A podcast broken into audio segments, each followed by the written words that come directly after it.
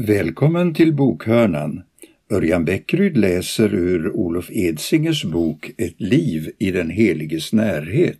Sjätte avdelningen. I min stora upplevelse av det nya livet med Gud upptäckte jag att jag hade fått en helt ny känslighet för ont och gott, rent och orent. Ett konkret uttryck för detta var att jag började drabbas av illamående och olustkänslor när jag tittade på filmer som innehöll svordomar, promiskuitet eller annat som är att betrakta som orent. Inget av detta var något som människorna i min omgivning la på mig.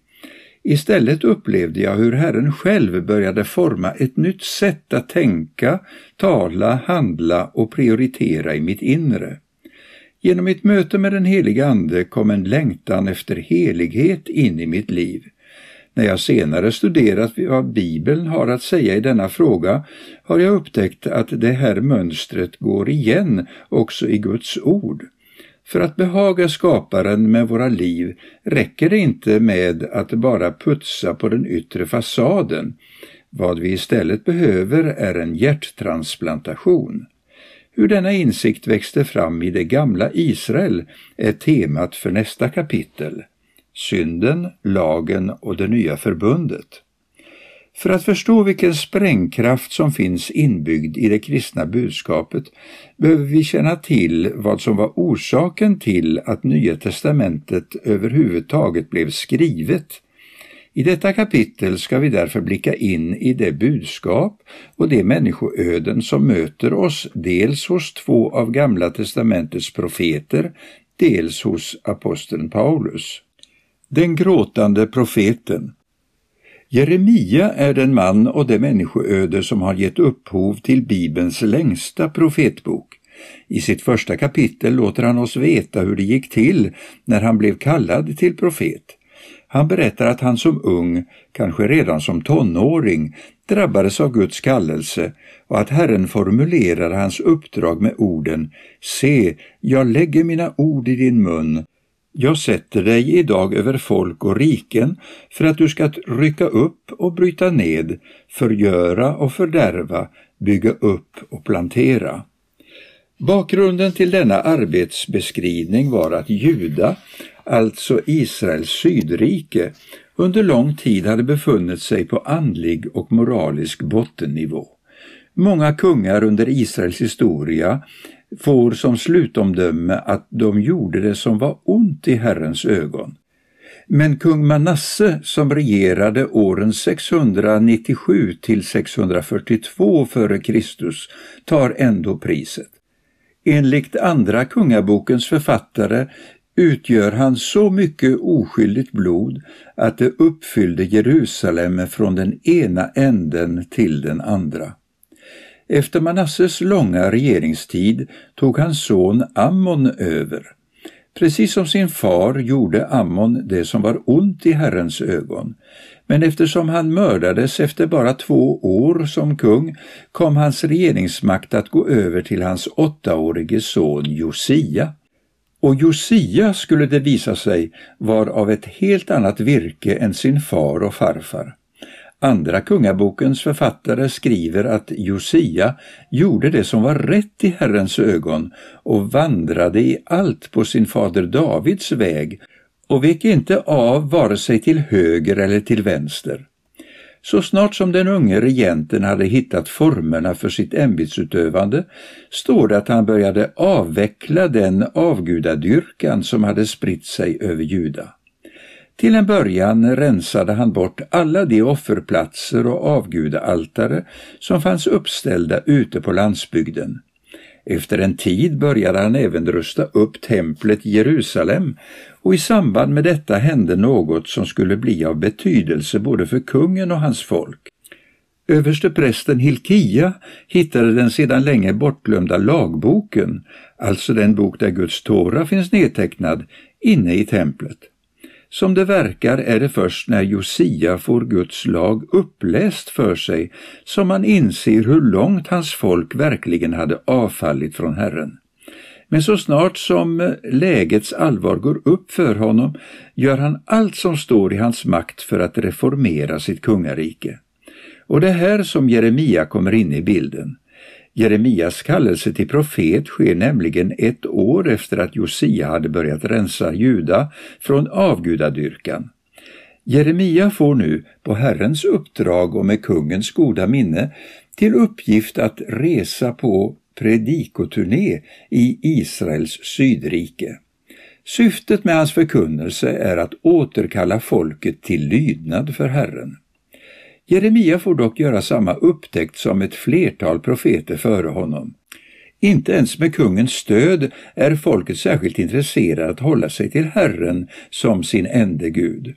Under tillräckligt stark press kan de kanske upprätthålla en något sånär from fasad, men otron sitter ändå djupt förankrad i folksjälen.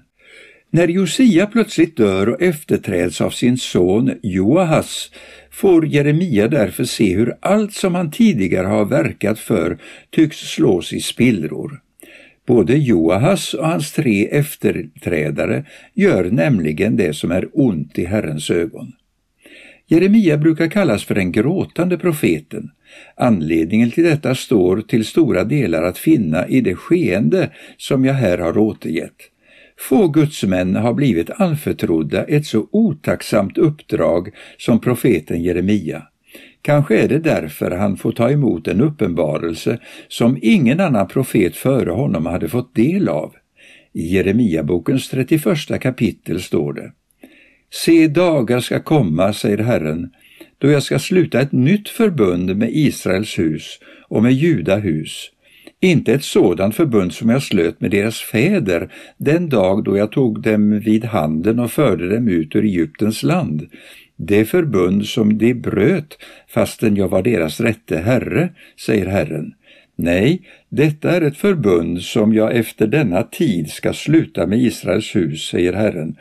Jag ska lägga min lag i deras inre och skriva den i deras hjärtan. Jag ska vara deras Gud och det ska vara mitt folk. Då ska de inte mer behöva undervisa varandra, ingen sin broder och säga ”lär känna Herren”, ty alla ska känna mig från den minste bland dem till den störste, säger Herren. Ty jag ska förlåta deras missgärningar och deras synder ska jag inte mera komma ihåg. För en from israelit var blotta tanken på ett nytt förbund något oerhört. Flera gånger i Gamla testamentet beskrivs det förbund som hade slutits på Sinai och som förnyades under kung Davids regeringstid som evigt. Men trots detta får alltså Jeremia ta emot uppenbarelsen att ett nytt förbund behövde ingås mellan Gud och hans folk. Andra bibelsammanhang visar att det nya förbundet inkluderar flera av de ingredienser som var utmärkande redan för det gamla förbundet. Men profetens skådande innebar ändå något radikalt nytt. För första gången i Gamla testamentet får vi en klar utsaga om att Sinai-förbundet med dess lagar och föreskrifter ska ersättas av ett nytt och bättre förbund. Endast den djupgående erfarenheten av folkets ovilja att underordna sig Herren och därmed Sinai-förbundets oförmåga att frälsa dem kunde förbereda Jeremia för en sådan dramatisk utveckling i Guds frälsningsplan. Hesekiel och löftet om den helige Ande. Inte nog med att Jeremia fick ägna så mycket tid och kraft åt att förebrå israeliterna för deras otro och ondska. I tre omgångar fick han också se sitt folk deporteras till Babylon, den stormakt som då hade seglat upp som ledande på världsscenen. Den tredje deportationsomgången innebar också att både Jerusalem och templet jämnades med marken. Som Jeremia hade förutsagt var det här en konsekvens av folkets olydnad mot Herren. Trots att folket genom detta bara fick skörda vad de själva hade sått valde Gud att kalla en profet också i Babylon. Denna gång är det den unge prästen Hesekiel som blir Herrens språkrör. Hesekiel hade lämnat Juda i samband med den andra deportationen år 597 f.Kr. och samma dag som han fyller 30 år. Den dag då han under normala omständigheter skulle ha inlett sin gudstjänst i Jerusalems tempel, får han i en syn möta Herren. En detaljerad redogörelse för synden står att läsa i Hesekielbokens första kapitel, men i detta sammanhang räcker det att säga att Hesekiel får en vision av den Helige som får honom att i bävan och förundran falla ner till marken på sitt ansikte. Erfarenheten av hans egen litenhet inför Herren lyser på flera sätt igenom Hesekiels profetior. Den väg till frälsning som han stakat ut framstår hela tiden som en väg från självcentrering till gudscentrering. Att få ett rätt förhållande till den Helige hör samman med att ge honom den plats i våra liv som han förtjänar. När Hesekiel talar kan man därför säga talar han ur Guds eget perspektiv. Särskilt påtagligt blir detta när Hesekiel beskriver det nya förbund som Jeremia tidigare har profeterat om. Det visar sig nämligen att de profetior som Hesekiel får förmedla om detta inte handlar så mycket om den upprättelse och frälsning som ska komma folket till del. Mer än något annat handlar det istället om den upprättelse som genom Guds ingripanden ska komma Herren till del. I ett laddat avsnitt säger Gud till sin profet Du människobarn, när Israels folk ännu bodde i sitt land orenade de det genom att, sitt sätt att vara och sina gärningar. Som en kvinnas orenhet var deras sätt att vara för mig. Då utgöt jag min vrede över dem för det blods skull som de hade utgjutit över landet och därför att de hade orenat det med sina avgudar. Jag spred ut dem bland hedna folken och de skingrades i länderna. Efter deras sätt att vara, deras gärningar dömde jag dem. Men vart de än kom till hedna folken vanärade de mitt heliga namn. Man sade om dem, detta är Herrens folk, och ändå måste de lämna sitt land. Då ville jag skona mitt heliga namn, som Israels folk vanärade bland de folk de kom till. Genom Herrens ord till Hesekiel får vi en fascinerande inblick i de känslor som Gud själv hade kring sitt förbundsfolk. Det folk som skulle ha varit Herrens stolthet och ära, men som istället kom att bli både hans och hans profeters sorg. Till följd av israeliternas ogudaktighet hade Herren blivit tvungen att döma dem. Helt i enlighet med villkoren från förbundet på Sinai tog han ifrån dem deras rätt till sitt land, det land som han hade gett dem som gåva. Men även om Gud hade all rätt i världen att handla på detta sätt uppstod det med tiden en smått absurd situation på grund av detta. Skulden för den uppkomna situationen började nämligen falla på Gud istället för på folket.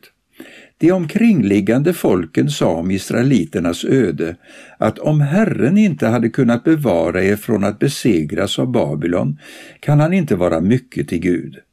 På detta sätt blev Guds heliga namn, Jahwe, släpat i smutsen. Innan vi går vidare kanske vi bör stanna upp inför vad jag nu har sagt. Talet om att Gud skulle utföra något för att upprätthålla sin egen ära kan nämligen låta lite konstigt i våra öron. Hur ska vi tolka detta? Är Gud egotrippad? Har han drabbats av storhetsvansinne?